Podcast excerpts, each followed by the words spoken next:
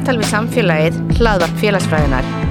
Í dag eru þau stödd hjá mér Sunna Símonardóttir og Ari Klængur Jónsson en þau leiða stóra rannsókn á minkandi fæðingatíðinu hér á Íslandi ásamt þeim Ástísi Arnalds og Guðbjörgu Andrau Jónsdóttur. Rannsóknarverkefnið í heil kallast Áhrif stefnumótunar og foreldramenningar á barnegnir á Íslandi en verkefni hlaut öndvegistir frá rannsóknaráði Rannis árið 2022. Velkomin Sunna og Ari og takk fyrir að vera hér með okkur í dag. Takk. Já, takk. Uh, mér langar að svona áðurum fyrir kannski í mismunandi rannsóknarverkefni og niðurstöður að kannski byrja aðeins á stóru myndinni. Hvað er svona stóra spurningin sem að þið lögðuð uh, upp með og af hverju er hún mikilvæg? Já, svona stóra pælingin okkar er í raun og verið að skoða e, þessa þróun sem hefur átt sér stað á Íslandi undan fyrir tíu ár þegar við erum að sjá þessa lækkun í fæðingatíni og þetta er lækkun á fæðingatíni sem hafði lengi vel um, verið herri heldur en í löndunum í kringum okkur, líka á Norðurlöndunum. En svo byrjar þessi þróun fyrir um það byrjum tíu árum síðan.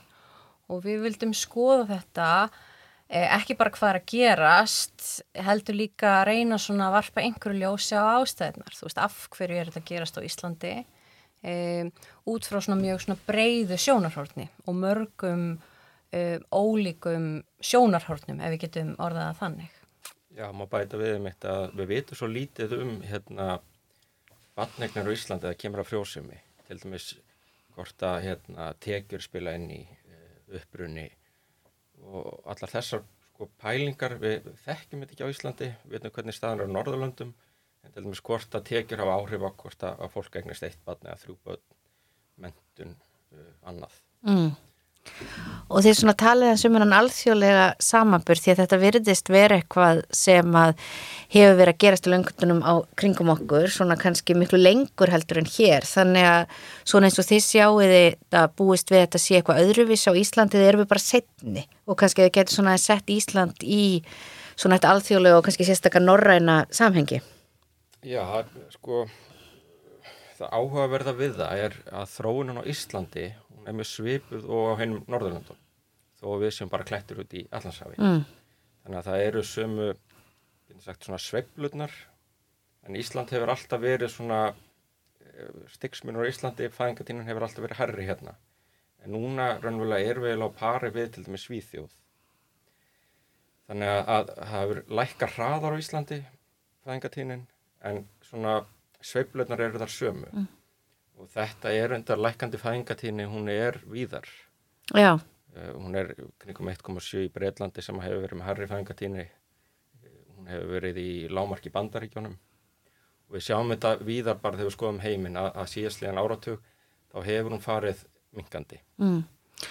Og svona ég veit að verkefnið ykkar heitir mingandi fæðingatíðni en þau minnist á að við vorum lengi herri heldur en eins og hinn Norðurlöndin. Höfum við einhverja skýringar á því? Af hverju rauninni kannski við byrjum að lekka setna eða af hverju við áttum fleiri börn? Kannski, ef, ef maður bara skoða tölutnar mm. þá var það því að, að konur á Íslandi eignust börn fyrr meðalöldu konuna sem sett frumbyrja var lærri, tveimur árum lærri en á, á hinn Norðurlöndum tveim-þreimur árum uh, og svo er það menning mm. myndi ég að segja.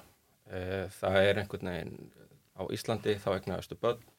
Uh, velfræðkerfið var sagt, ekki að pari við Norðurlöndin. Það kemur að fæðingarólofi í leikskólum annað, samt var fæðingatínin herri hérna. Og það sem ég held að sögurskýningar séu svona sterkasta mm. svona, gefur, gefur svona, svona ástæðan er, er, er fyrst og fremst söguleg Já og þú minnist mitt hér á menningu og mér langaði að læra svolítið meira um einn af titlinum yfir ansóknarverkefninu þar sem ég talið um foreldramenningu mm -hmm. og kannski bara svona segja aðeins frá hvað eigið við með því hugtaki og af hverju er mikilvægt að skoða þessa menningu og af hverju búist þið við hún hafa áhrif? Já, algjörlega. Ég held að, að fóreldramenning geti verið eina af þessum svona líkil þáttum sem er mikilvægt að skilja ef við ætlum að skilja breyta fæðingatíðni. Uh, ekki bara á Íslandi heldur alþjóðlega. Um, ég hef þetta verið svona kannski að skoða fóreldratíðinni, nei, fóreldramenningu segi alveg síðan ég byrjaði doktorsnáminu, þú veist, ég hef áhuga á svona hvernig hugmyndir okkar um fóreldrahlutverkið breytast, mm. hvernig þróunin er, hvernig hugsun við um, um hvað við segja, hlutverk okkur og skildur sem fóreldra, hvernig hugsun við um hvað þarf að vera til staðar í okkar lífi áður en við erum tilbúin til að eigna spöld, hvernig, um, svona, já, hvernig, hvernig gott fóreldri er, mm. hvað þarf að vera til staðar og svo framvegs og við veitum auðvitað að þetta er ekki eitthvað svona fastir hlutir, heldur mótast þeir bara af menningu og tíðranda hverju sinni. Þannig að ég held að það sé svona einhvern veginn rosalega stór þáttur ég að reyna átt að segja þess að skilja þessar breytingar sem verða á fóreldra menningu. Vegna þess eins og Ari kom inn á áðan að þá sjáum við þessa lekkandi fæðingatíðni í mismunandi samfélögum og mismunandi þjóðfélögum. Það sem eru mismunandi kerfi, e, það sem er mismikil atvinni þótt að hvenna þú veist þannig að þessi svona þessi svona struktúral þættir eru ólíkir en trendið er það sama fæðingatíðinni fer niður á við. Þannig að þá finnst mér óbúslega svona áhugavert að, að hugsa þá um hvað er svona alþjóðlega breytast og það gæti ymitt verið þessi foreldra menning, mm. þú veist um, þannig að það er stór þáttur af okkar verkefni að, að svona að skoða hana mm. á mjög svona ítalega hátt í raun og veru Og þú talar um og þetta náttúrulega kannski byggir svolítið svona á þínum fyrri rannsóknum og þetta bæði þínum eigin fyrri rannsóknum og líka kannski bara svona litteratúrnum, daldið mm -hmm. almennt mm -hmm. og þú talar um þess að breyttu foreldramenningu þannig að ég veit þetta er kannski of stór spurning en ef við svona hugsaum um bara síðustu ég veit ekki, 10, 20, 50, 100 ár mm -hmm. uh, hér á Íslandi og jafnvel í alltfjölu samhengi hvað er svona sem að þið sjáu sem stóru breytingarnar sem að þið, við kannski höfum séð eða myndum búast við hvernig eru við farin að líta úr fóreldrarþjóðverkið öðruvísi heldur en kannski fóreldrar okkar og ömmur og afar? Já, þetta er stór spurning. Ég held að sko breytingarnar séu örari þar að segja við getum varla mátað fóreldrarhlutverkið eins og við skilgjörðum það í dag við það sem gerðist fyrir hundra árum. Mm. Þannig að kannski svona nærtekar að skoða svona undarfarna áratögi og þá held ég að það sem við sjáum náttúrulega er í fyrsta lægi að náttúrulega konur mæður fara út á vinnumarkan í miklu meira mæli og þarna rýsa og koma upp á hvern svona kerfi sem eiga að hjálpa fólki að sameina fóröldarhlutverk við það að vera út á, út á vinnumarkanum, leikskólakerfi, um, heilstæður skóladagur, frístund og svo framvegs og svo framvegs. Um, en á sama tíma þá hefur einhvern veginn komið upp svona ákveðin hugmynd um það að fóreldarhlutverki sjálf, þar að segja að sinna fóreldarhlutverkinu eigi að vera svona tímafrekari e, tímafrekar og erfiðara heldur en áður þekktist. Þannig að við eigum að vera óbúslega meðvitaður fóreldrar með allt okkar á hreinu, við eigum að kynna okkur litteratúrin, lesa okkur til um, mæta börnunum okkar það sem þið eru, í staðin fyrir kannski svona ef við, ef við málum þetta mjög svona, með svona mjög breyðum penslum að hér fyrir einhverjum áratugum þá kannski leit fólk svo að það veri nóg að, að, að gefa börnum þið veitir ást og, og umhyggju og húsaskjól og mat, ja. skiluru en núna er kröfunar held ég á nútíma fóreldra og þá sérstaklega mæður e, orðan meiri Já, svona þegar þú talar þá fyrir ég nú að hugsa aðeins um bara eins og rannsóknir bandarískra félagsfræðingsins Annette Laró mm -hmm. og svona þennan mun kannski þegar hún er að skoða þá sérstaklega já svona lástjættar og uppi svona miðstjættar í bandaríkjónum og kannski þessi grundvallar hugmyndafræði annars vegar bara að börn bara verði fullorðin og það bara svona gerist mm -hmm. bara við þroskums kannski svona og ég held að hún tali bara um svona eðlilegan þroska Einmitt. eða í rauninni þú ert einhvern veginn að félags móta og búa til einhvern einstakling sem mun síðan ná árangri í lífinu og þá fyrst í mentakerfinu og svo á vinnumarkaði þannig að þetta svona kannski eitthvað sem að tengist í sem að Algjörlega og þetta er einmitt sko stjættastæða skiptir hérna gríðarlega miklu máli og þetta er hérna þetta er svona cultivation held ég að sé mhm. orðið sem hún notar sko við erum að, við erum að hanna hinn fyrirmynda borgara fyrir samfélag sem einkynist af þið veitir gríðalegri einstaklingshyggju þetta er svona nýfrjálshyggju skotið að við þurfum að besta ekki bara okkur sjálf heldur líka börnin okkar mm. og ef við gerum það ekki þá erum við á einhvern nátt að bregða sem fóreldrar uh, og þessi bestun getur náttúrulega átt sér í stað bara með ymsum móti, þú veist bara allt frá því að þú veist uppfylla hérna kröfur um langa brjóstakjöf upp í það að velja réttu tómstundirnar fyrir barnið, hjálpa því alltaf með heimavinnun og réttan átt og svo framvis og svo framvis og það náttúrulega sjá það allir sem vilja að þetta er ákveðin svona yðja sem er ekki bara tímafreg en hún getur líka að kosta opaslega mikla peninga. Þannig að þetta er svona mótað að þessum svona millistjættarfóreldrum sem hafa fjárhagslegt svigrum, um, tilfinningalegt svigrum, hafa, hafa tíma og hafa þekkinguna til þess að móta þennan svona þennan fullkomna litla fyrirmyndar borgara framtíðarinnar.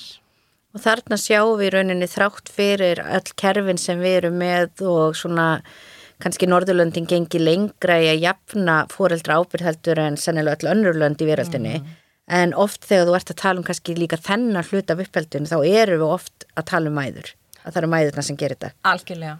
Og það er svona í raun og veru það sem að flesta rannsóknir sína fram á að við sjáum að fóreldrar hlutverkið þú veist að kröfunar til fóreldrar eru að aukast en þú veist mæðurnar er alltaf einhvern veginn svolítið já, kröfunar til þeirra er alltaf í einhverju svona stegveldi af, af því sem við sjáum til feðra.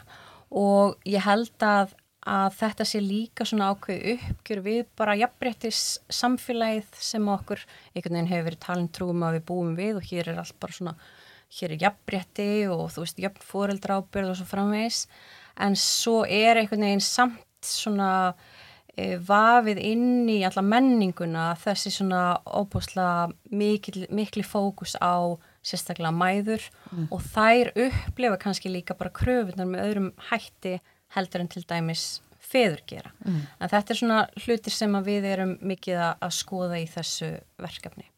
Já, og mér langar svona aðeins að fá svolítið tilfinningu fyrir að því við höfum alltaf svo gaman að gögnum og kannski að byrja svolítið bara með þessa stóru mynd að því að þið notið bæði meginlegur og eiginlegar aðferðir í verkefninu sem að kannski er svona alltaf að aukast í félagsfræðinu en mjög oft eru við að nota annarkvort. Mm -hmm. Þannig að svona ef þið gætu aðeins sagt mér frá hvers vegna það er mikilvægt að nota bæði í ykkar verkefni og kannski svona hvað fáum út úr hverju aðferð, hvað svona litla kannski svari við þessu stóra púsluspili gefur það okkur? Já sko, eh, meginlega aðferðunar, tölurnar, mm. það er teikna myndina fyrir okkur. Mm. Við getum ekki útskýrt eitthvað fyrirbæri nema við sem vissum að þetta fyrirbæri setja staðar. Þar koma náttúrulega meginlegu gögnin þau sína til dæmis ef það er hérna vatnegnir og stjættaskipting uh, hvort að hérna ákveðnir hópar séu uh, fæðingatíni séu að lækka hjá þeim en, en kannski hækka með, á landsbyðinni, lækka Reykjavík og svo framvegis þannig að meginlegu hérna, aðferðirnar þar, þar, svona, þar mynd en kannski án hljóðs mm. það er hægt að nota þá samlíkingu mm -hmm. og, og eiginlegu aðferðirnar þá þær varpa betur ljósi á, á af hverju spurninguna. Meðan, meðan meginlegu mm. svara hvað og, og það eru náttúrulega greiðlega margir svona þættir. Það, það eru margar, hvað við segja, svona litla rannsóknir undir stóra hatti rannsóknirinnar í heilt þú veist, við erum með e, e, einn vinnupakka sem eru bara sérstaklega til dæmis að skoða hvernig hins einn fólk þú veist, hvernig horfir fóröldarhlutverkið við því, mm. þú veist, af því að við vitum náttúrulega svona sögulega séð þá hefur hins sem fólk ekki haft svona sama sömu réttindi til fóröldarhlutverksins eða aðgang að fóröldarhlutverkinu, þannig að við erum að það er verið að skoða það. Við erum líka með uh, stóran vinnupakka sem að snýr að sérst, innflytjandum, hvernig hvernig eru innflytjendur sem eru kannski til til að nýlega komni til landsins, hvernig máta þeir sig við fóröldarhlutverki eins og það byrtist þeim í íslenskum samtíma. Um, eru þau að aðlagast kerfinu sem er hér eða eru þau að taka í raun og veru svona sinn, um, hvað var það að segja, eru þau að taka með sér frá sínu svona upprunalandi, hugmyndir og, og, og, og langanir þegar kemur á fóröldarhlutverkinu? Menning. Menningu, mm. algjörlega. Þannig að ég held einhvern veginn eins og, eins og Ari segir að, að þú veist, við gætum aldrei farið á stað með þetta verkefni bara með því að nota meginlegar aðferðir eða bara með því að nota eiginlegar. Þannig að ég held að það sé í raun og veru kannski svona stóri maður að segja, kostur verkefnisins að, að bara nýta það sem virkar til þess að svara ákveðnum um, ákveðnum spurningum Já, og hérna smá tröflun hér, nú glemdi ég að setja síman á þannig en ég held að við erum komin hér í mjög spennandi hluti að tala um aðferður og gögn og kannski svona að um, velta aðeins fyrir okkur að því við tölum hér um eiginlegar og eiginlegar og uh, eins og Ari kom hér inn að þá erum við svolítið svona kannski að tala um tölur og þá kannski frekar einhvern svona texta eða orð sem við sjáum og erum að greina en bara svona stuttlega nákvæmlega hvaða gögn eru það að nota í verkefninu. Já, eh, stónum hluta þá er þetta gögn frá Hagstof Íslands, þjóðskarugögn og þá erum við bara með hérna, allan mannfjöldan á Íslandi undir uh, og alveg síðan hérna, æfið söguna, það kemur að batneignum, það kemur að, að tekjum, mentun, annars slíkt, þannig að við getum búið til svona æfið sögu fyrir hvern einstakling. Þannig er aftur til eh, 1990 eitthvað svo leiðis. Svo erum við spurningakonun Já, Ástís Arnalds, samstagskonu okkar í verkefnu, hún eh, er með uh, spurningagögn.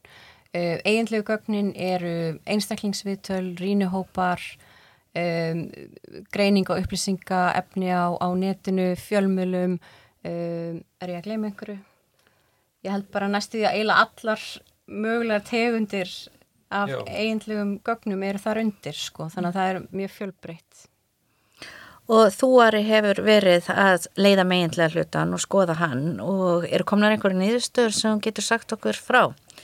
Eh, ekki, ekki nóg djúsi, mm.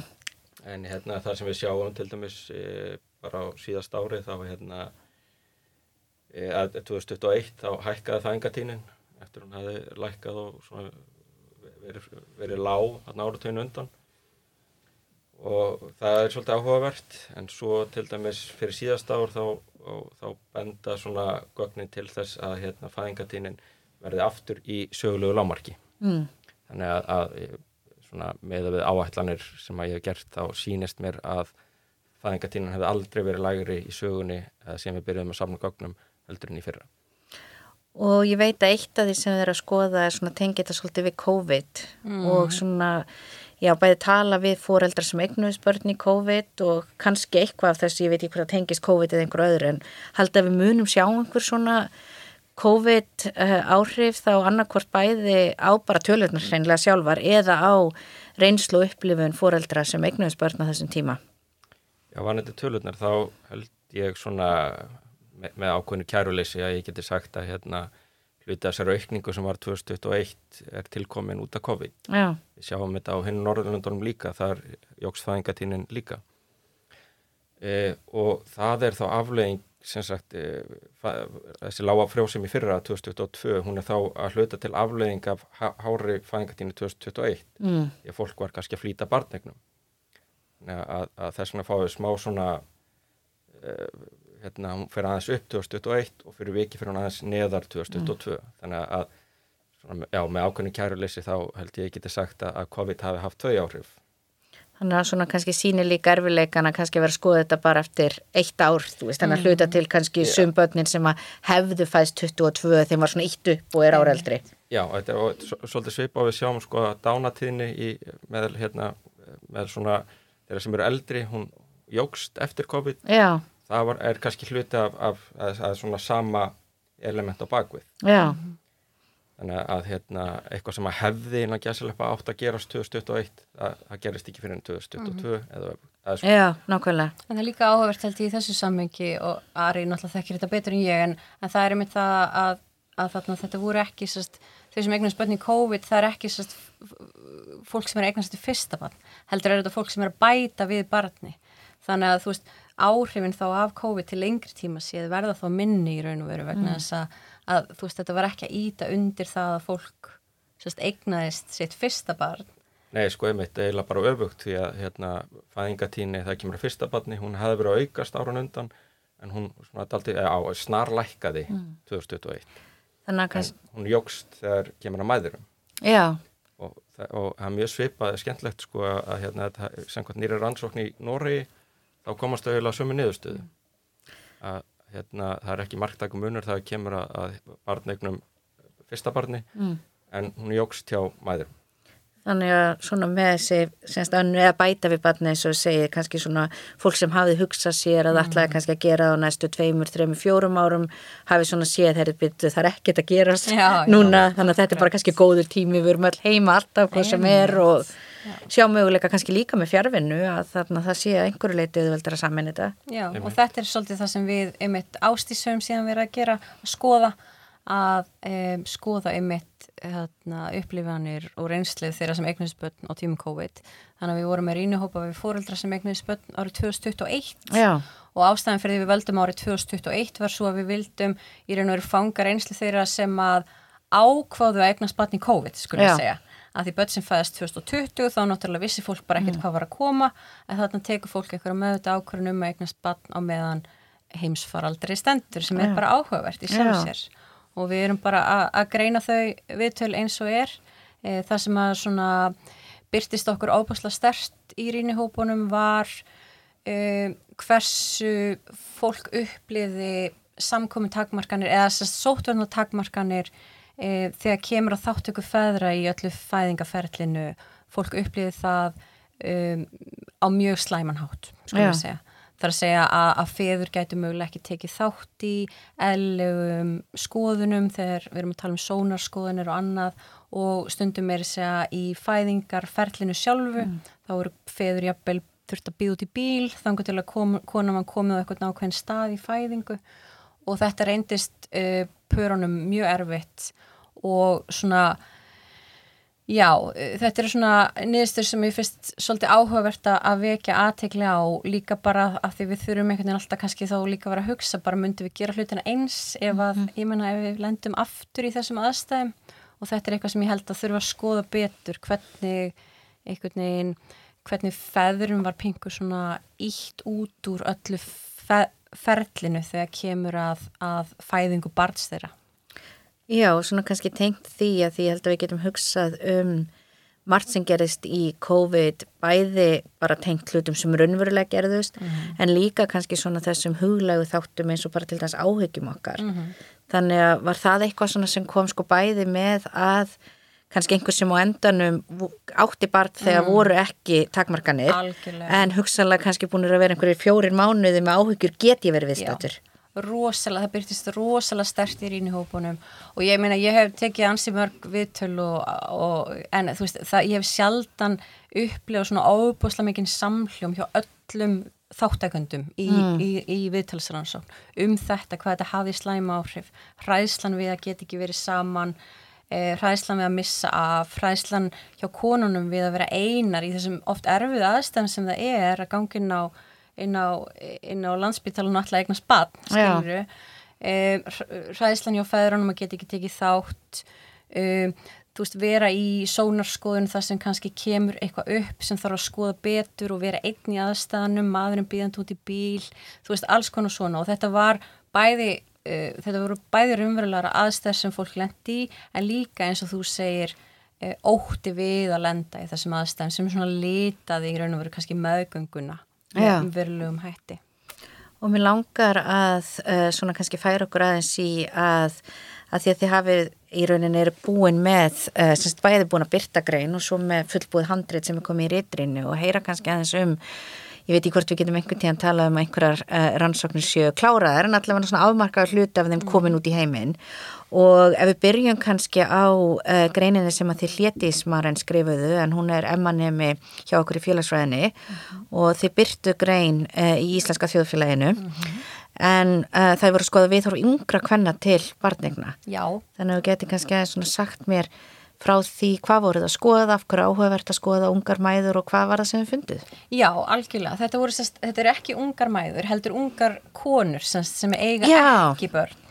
Þannig að við vildum í raun og veru svolítið skoða af því þetta eru konur sko sem eru aldrei um 25-30 ára. Þannig að það eru komnur á svona þann aldur þar sem að barnignir fara svona, hvað við segja, fara að banka upp á.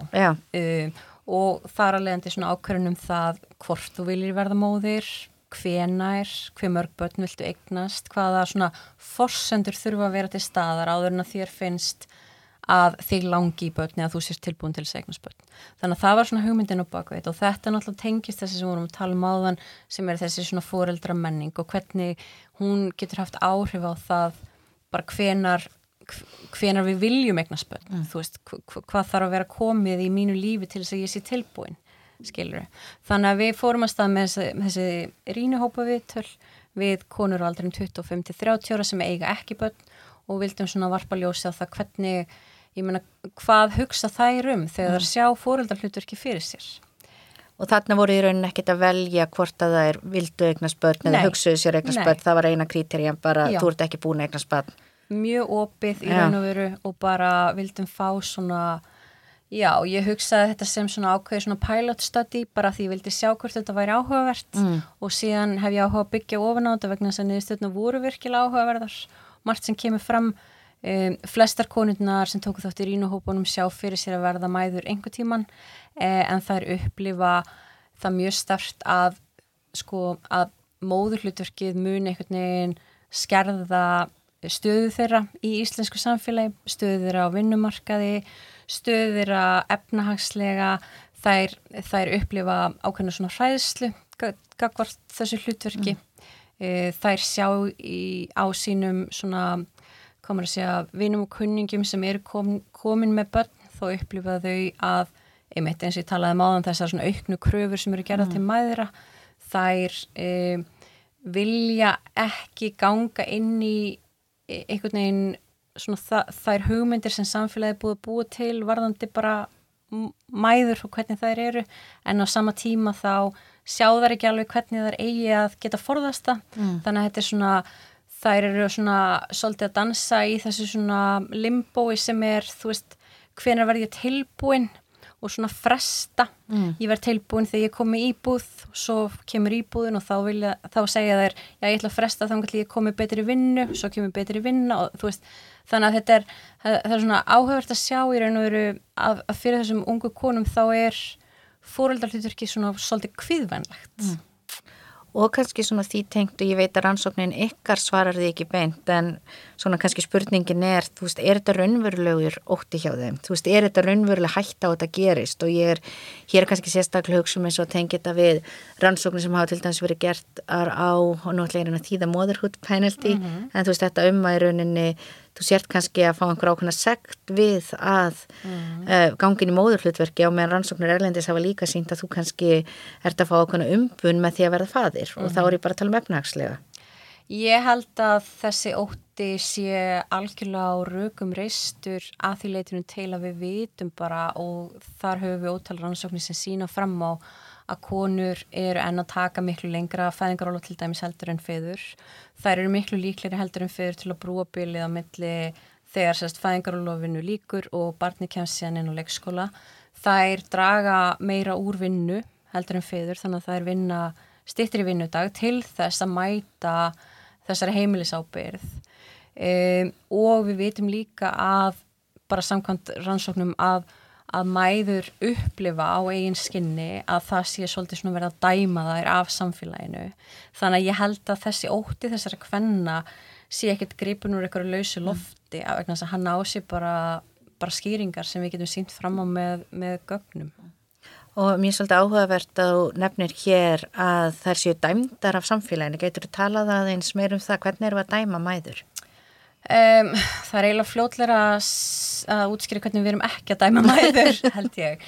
Sko þetta byrjar bara mjög snemma, þetta, þetta snýst um þú veist hvernig þú, þú hagar þér á meðgöngu, hvort þú, hvort þú ert að þú veist, tikka í all bóksin um það hvernig þú ætti að hugsa um líkamaðinn um, brjóstagjöfin, við vitum að mæður sem að e, ná ekki langri brjóstakjöf, upplifa það að þær séu dæmdara samfélaginu. Mm. Og þetta er hér á Íslandi er, og þínar rannsóknir sinna þetta? Já, já, þetta er á Íslandi og já. þetta eru mínar rannsóknir. Um, ég held að, að konur, ég mun að rannsóknir hafa sínt fram á konur sem taka til dæmis stutt fæðingarólof, minna fæðingarólof heldur en makið þeirra, þær upplifa e, neikvað viðbröð frá samfélaginu. Þú veist þannig að það, það er svona, e, það er svona vísbendingar um það að það sé óbúslega margir komur að segja, margir svona fletir á móðulhuturkinu þar sem þú getur upplifað að þú sérst einhvern veginn að bregðast sko. Já. Já. Og ef ég fyrir sen verið hína greinin og þar ertu hreinlega komin með að þið komin með hugtakið um valið barleysi. Já. Þannig að hvað svona eigum við, já svona við með því og hvað eru það að gera í þessari grein? Hvað já. eru það að skoða þar? Þetta er þess grein sem byggir á viðtölun sem ég tók við sagt, uh, einstaklinga sem hafa valið barleysi. Mm og þarna er mikilvægt að, að segja að þetta er sérst ekki bara einstaklingar sem eigi börn heldur, þetta eru einstaklingar sem tóku meðvita ákvörnum að þau vilji ekki eignast börn. Mm. Og þá bæði kallar og konur. Kallar og konur, uh, pör og uh, einstaklingar. Mm. Uh, og það sem að í raun og veru, sko, það sem vakti fyrir mér með þess og ég held þetta sé áhört að mörguleiti vegna þess að sko, ég hafi gert rannsóknar á móðulutverkinu og, og í kjölfari fór ég að hugsa ok, ef móðulutverkið er svona óbúslega tengt kvennleikanum eins og það er í, í bara okkar vestrænu, menningu hvað þá með konur sem að til dæmis hafna móðulutverkinu, vilja það ekki hvernig upplifa þær stöðu sín í samfélaginu, hvaða viðbröð fá þær og svo framvegs. Svo fer ég af staði í þessar svona fæðingar frjósemispælingar og þá er þetta líka áhugavert vegna þess að við vitum að þetta er í raun og veru sístækkandi hópur alþjóðlega, mm. þar að segja einstaklingar sem velja barnleysi. Þannig að e, ég fór með þess að viðtala svona e, af stað með, með, með það fyrir augum að bara skoða í fyrsta lagi bara ástæður, þú veist, mm. af hverju vilur fólk aðeignast ekki börn, hvernig viðbröð farða frá samfélaginu, hvernig, þú veist, líður því með þessa ákvörun og líka það sem ég finnst núna rosa áhört er einmitt líka að skoða hvernig hvernig fóreldar hlutverki byrtist þessu fólki mm -hmm. sem hefur valið sér frá því skilur þau, af því það er svo dýrmætt sjónarhótt þess sem stendur fyrir utan, mm -hmm. af því hann hefur einhvern veginn allt aðra sín heldur en sá sem stendur inn í aðstæðanum, eða eð þú skilur hvað ég meina já.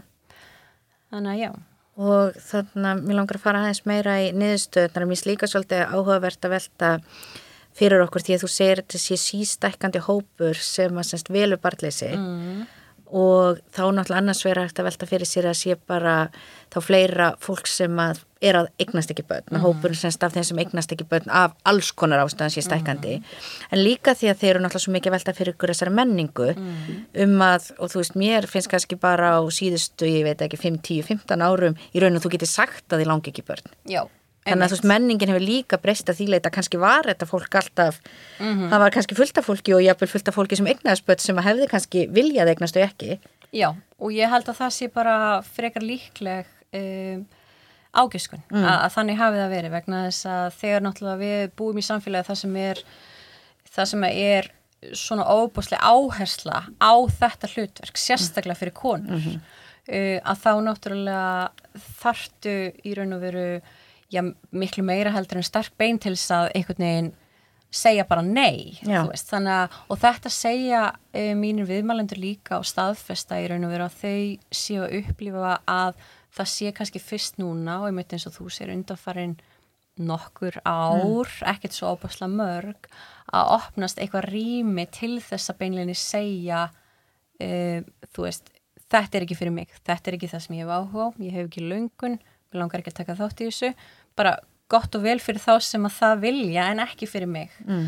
þannig að og ég finn alveg muna og líka bara viðmálandi mínum eftir því á hvað aldrei þau eru Já, hvernig það? Þú veist, bara þeir sem eru svona kannski í eldri kantinum þau hafa kannski upplifað meira mótlæti, meiri andstöðu, mm. meiri núning frá uh, fólkinni kringum þau, frá samfélaginu á meðan þeir sem eru yngri upplifa þetta sem svona áreinslu minnaferli og þau tala oft um bara þú veist þau, þau nota svona myndlíkingunum um kassan að mm. sko átt að sjá því að, að við þurfum ekki öll að vera inn í sama kassanum skilur mm. við megum við megum gera hlutina öðruvísi mm. og það hafi verið einhvern veginn svo dýrmátt fyrir þau að upplifa að þú veist, þessi svona hefðbundna leið þarf ekkert að vera rétt fyrir alla og þarf ekkert að vera rétt fyrir þau.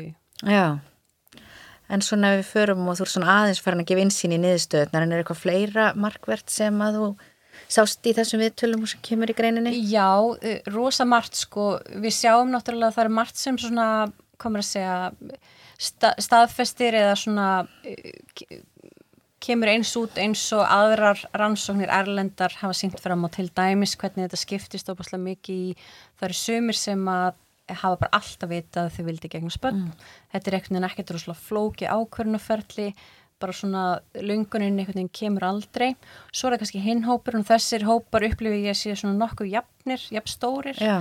að það er kannski fólk sem að svona tók kannski aldrei einhverja svona rosalega meðvita ákvörun en var svona alltaf að, að skoða mm. og svona, svona endur skoða þessa ákvörðun reglulega, kannski fólk í parasambandi sem setur þetta á til upp á borðið, bara líði þér ennþá eins mm þurfum að skoða þetta, nei, ok, höldum áfram, við viljum ekki bann. Og það sem að mér fannst áhugavert við þessi viðtöl varum eitt eins og ég sagði áðan að reyna aðeins að grenslast fyrir um það hvernig þetta fólk sem hefur valið barnleysi sér fóröldurlutverkið. Mm. Og þar kemur náttúrulega fram að í raun og veru sérstaklega kannski uh, viðmælendur mínir upplifa að fóröldarhlutverkið sé einhvern veginn ápáslega bindandi og mikil um, fórn fyrir konur Já. og sjá einhvern veginn ekki að þær geti einhvern veginn gengi inn í það án þess að missa ápáslega mikið af sjálfum sér. Já. og það kom aftur og aftur fram svona þessi, þessi svona skemmtilega pæling eða sem ég fann skemmtileg eitthvað svona, ég væri kannski til í þetta ef ég fengi bara að vera pappin af því að það var einhvern veginn svona þú veist, svolítið, svolítið öðruvísi hlutverk að fyrra mati en svo líka um, held ég að það sem að komir kannski ekki beint og óvart en er áhugavert held ég fyrir okkur að vera meðvitum er það að uh, konurnar viðmælendum mínir, kvennkins viðmælendum mínir upplýðu miklu sterkari viðbröð og neikværi viðbröð frá samfélaginu heldur en karlkins viðmælendur. Þeir lendu ekki mikið í því að fólk væri einhvern veginn að setja ofan í við þá vegna þess að þeir vildi ekki börn mm. á meðan þær þurftu flestar ef ekki allar á einhverjum tímpunkti að útskýra e, þú veist jafnvelandi í ágreiningi það sem einhver segir eitthvað særandi og niðrandi og, og þurfa einhvern veginn að svona já, svona færa rauk fyrir því af hverju þær hafna móðurhlutverkinu í raun og vera Já og mér er svolítið áhugavert að þú segir hérna með kannski yngri og eldri og svona ákveðin kynnslóðaskipti mm. ég held að við séum svolítið að sjá þá nútlega að þess að færa okkur hér kannski svona starri mynd sem að uh, við getum svona velt fyrir okkur en kannski sennileg ekki svara því að auðvitað náttúrulega hluti og ég meni ég sé það til dæmis hjá bara sem ástöðu sérstaklega hjá yngri konum að ætla gegna spötn út á loftlagsbreytingum mm -hmm. sem getur á bæði verið að því að við vitum náttúrulega það er ekkit gott fyrir það sem er að gerast að það séu fleiri börn á hjörðinni en líka náttúrulega bara er þetta heimur sem ég vil gefa mm. börnunum mínu þannig að sér svolítið bæði og líka kannski og þetta kemur svolítið inn á tölurnar kannski líka eins og bara með mannfjöldan og slíkt því að annars vegar þá höfum við áhyggjur af lækandi fæðingatíðni hins vegar höfum við líka áhyggjur á ofumiklu mannfjölda mm -hmm. þannig að hluti af vandamálinu verðist vera kannski að börnin er ekki að fæðast í réttum löndum en maður getur sagt þá kannski einhverju leita ekki af rétta fólkinu er þetta eitthvað sem að já, það má eiginlega nálgast þetta með tvennum hætti.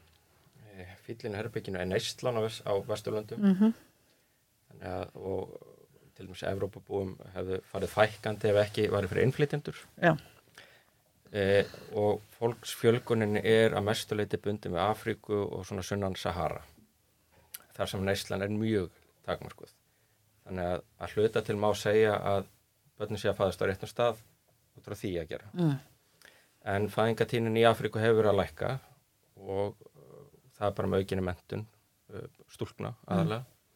það er besta hérna getnaðavörnin, mentun hvenna e, og þetta er ákveðið svona vandamál af því það verður svo mikið e, ójöfnöður í mannfjöldanum. Mm. og Evrópa er að eldast líka. Og ef við eignust ekki nóg mikið að börnum til dæmis í Evrópu þá eru kerfin okkar komin í vandræði því að hérna, hver á að borga skattana ef allir eru komin á ellilíferi svona ef við tökum mjög hérna, mm -hmm. dramatísk dæmi Já.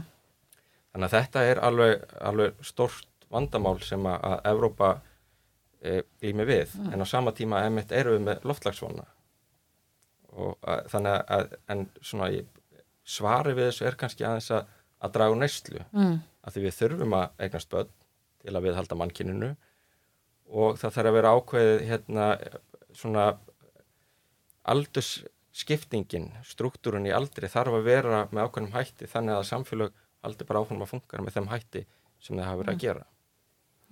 Það minnst það líka áhugavert sem hún segir eins og um innflytjandur og það er ástæðan fyrir ekki fækkun en samt sáum við mjög mörgum Evrópulöndum að um, almenningur eða allavega hlut almennings er á móti innflytjandum og hefur verið alveg áhyggjur af uh, innflytjandum. Er það ekki að sumuleiti bara hlut af lesninni? Jú, ég menna það er ef, ef við viljum viðhalda mannfjölda mm, eða, mm, eða hann aukist Já. og ég menna á Íslandi er fæðingatíni búin að vera undir 2,1 einu batni sem við þurfum til að viðhalda mannfjöldanum mm. það, við erum búin að vera þar núna í tíu ár það þýðir bara að Íslendingum mun fara fækandi ekki dag, ekki morgun, ekki eftir tíu ár en þegar, sem sagt, ef við egnumst ekki nú mörgböð, þá mm. fyrir við að finna fyrir þessu eftir 50 ár, 60 ár Já.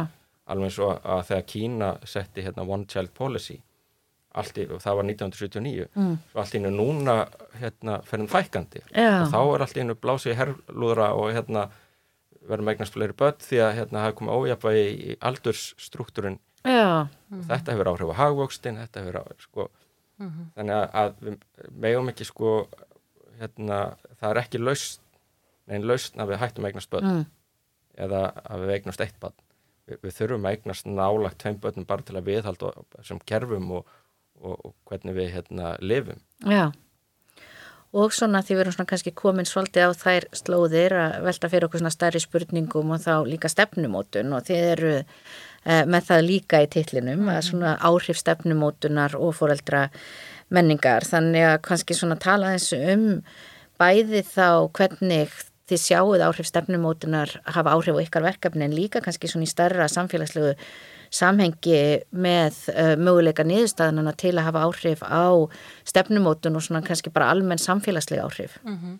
Ég held að þetta sé rosalega mikilvægur þáttur í verkefninu og uh, þetta er svona svolítið það sem að Ásti Sarnalds uh, mun koma til með að skoða og það sem ég held að í raun og veru þetta, þetta lítur að því að skoða að því að það er svo áhugaverð spurning sko ekki endilega bara þú veist hversu mörg börn Eh, eignast hver kona.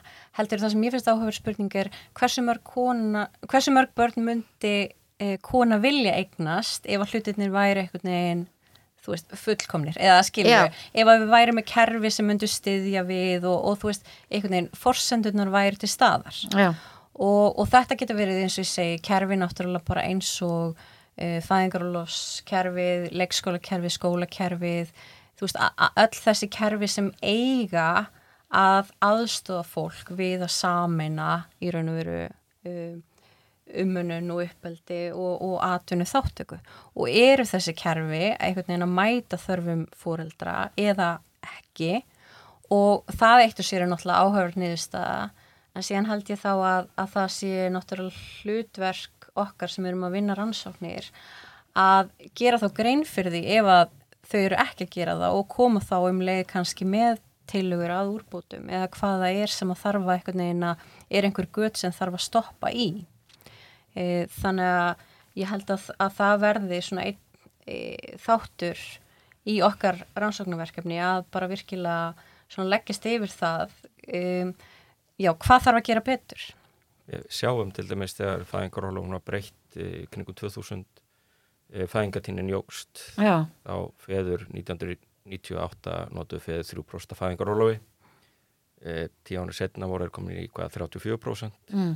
og fæðingatínu njókst samlega þannig að það eru ákveðna vísbendingar til staðar að, að, að gott svona utanumhald, gott svona kerfi e, hjálpi fólki við að einmitt að eignast þann fjölda barna sem að, að mm. það myndi kjósa mm. að eignast e, en svo sjáum við líka að hérna, fæðingatínu á Norðurlöndum hefur farið lækandi eins og á öðrum mhm. stöðum. Samt er við með þetta velferðarkerfi og við reynum að hafa eins mikið, hérna, reynum að ítundi kynniðjabrætti og annað en, en samt er eitthvað þarna mm -hmm. sem að vantar. Mm -hmm. Það er kannski svolítið áhugavert um þetta mm -hmm. Að rannsaka hvað það er. Ef við sjáum það á Íslanda þá getum við kannski eitt auðvart að Já.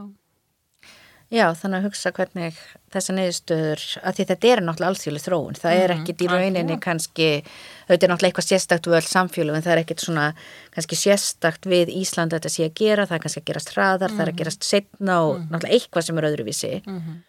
en hefur augljóslega líka kannski einhvað, getur sagt okkur eitthvað um bara almenna þróun í ákveðnum tegundum samfélaga. Algjörlega og ég held bara að Ísland sé þetta aldrei svona gott kannski bara svona case study og, veist, og, og það að geta skoða þetta frá svona mörgum og ólíkum áttum og út frá ólíkum uh, sjónarhórnum held ég að, að sé rosalega mikill styrkleiki og eitthvað sem að sem að hjálpa okkur mögulega þá að yfirfæra niðurstöðnar yfir á önnur samfélög og önnur svæði. Já, nú er bara svona rétt ársíðan þið byrja á þessu verkefni þannig að mér finnst í rauninni alveg ótrúlega mikið sem að þið hafi gert og svona komið í verk bæði gagnaöflun og bara hreinlega í byrtingu með að greinu sem eru tilbúnar.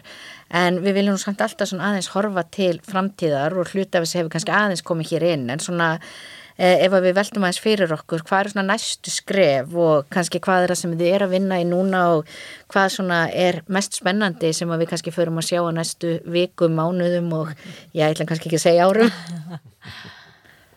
Já, vilt þú byrja Harry?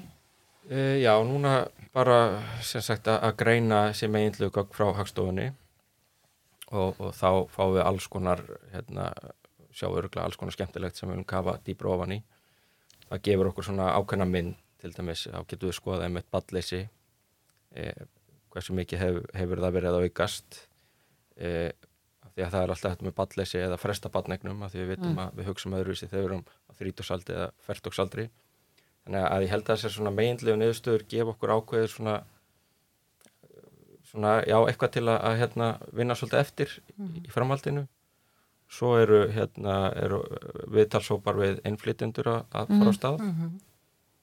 og það held ég að gefa okkur líka mjög skemmtilega einsýn inn í að, að sjá að hvort það sé munur á, á að, að hvernig menningin spilar inn í mm -hmm. versus þessi, þessi hérna, struktúr þættir Já, algjörlega eh, Við erum með rosa margt í gangi í einla hlutunum um, náttúrulega þetta sem ég vísaði áðan þessi, þessi rínuhópar við fóröldra sem er spurning COVID, við erum að vinna upp úr því um, ég er líka að vinna upp úr viðtölum sem að ég tók við sest, konur sem að hafa valið að eignast eitt barn mm -hmm. sem er svolítið áhugavert og hefur opbúslega lítið verið skoðað en tengist einhvern veginn mjög svona uh, skýrt inn í, í rannsóknarspurningarnar um Já, rosa margt sem við erum að gera. Eh, við erum líka einhvern veginn að því að þú veist, fóreldra menning er náttúrulega svo viðfem, þannig að það er svo margt sem hefur áhrif, þannig að við erum til dæmis líka að skoða bara fjölmjöla umfyllinu um, um leikskóla mm. undanfærin ár, hvort að, hvort að svona einhvern veginn hugmyndir okkar um leikskóla og til hvers þeir eru sé eitthvað að breytast sem ég svona sé ákveðin merki um í, í, hérna, í umhverfinu. Þannig að já, það er, er óbúslega margt í gangi. Doktorsnefnin sem að við erum með sem er staðsett út á mentafistasviði, hún er að skoða svona aðgengi hins einn fólks af, af frjósumis eh, meðferðum liv, hjá Livjó. Þannig að það eru svona, já, það er mjög margt spennandi í gangi eh, og borgar sér bara held ég að fylgjast með því öllu svo fyrir könnun hjá ástísi bráðum í, í, í loftið mm. og að fá við svona öðruvísi svör mhm. heldur en eiginlegu eða þjóðskarugagnin gefa okkur Já. og svo höfum við líka bara svolítið metna held ég fyrir því að vinna svolítið saman af því að stundum eins og þú kannski vísaður í hérna í upphafi mm. að stundum eru, þú veist hann er bara að gera sitt með eiginlega og ég er bara að gera mitt eiginlega og það talar ekkert saman sko þannig að það var líka alveg hugmynd bara alveg frá upphafi að við vildum vinna svolítið þvert á vinnupakka, vinna saman um til þess að einhvern veginn eiga betur sens á því að, að sína fram á þennan svona heildranna, skilning á fyrirbærum. Já, þannig að það er greinilega meirinn nóg spennandi í gangi og ég held að sé best að við setjum þá bara hvað upptöku fundi eftir svona ársirka til að vita hvað hefur gerst en bara kærar þakkir fyrir að vera hér með okkur í dag. Bara takk fyrir að bjóða okkur. Já, takk sem liðis.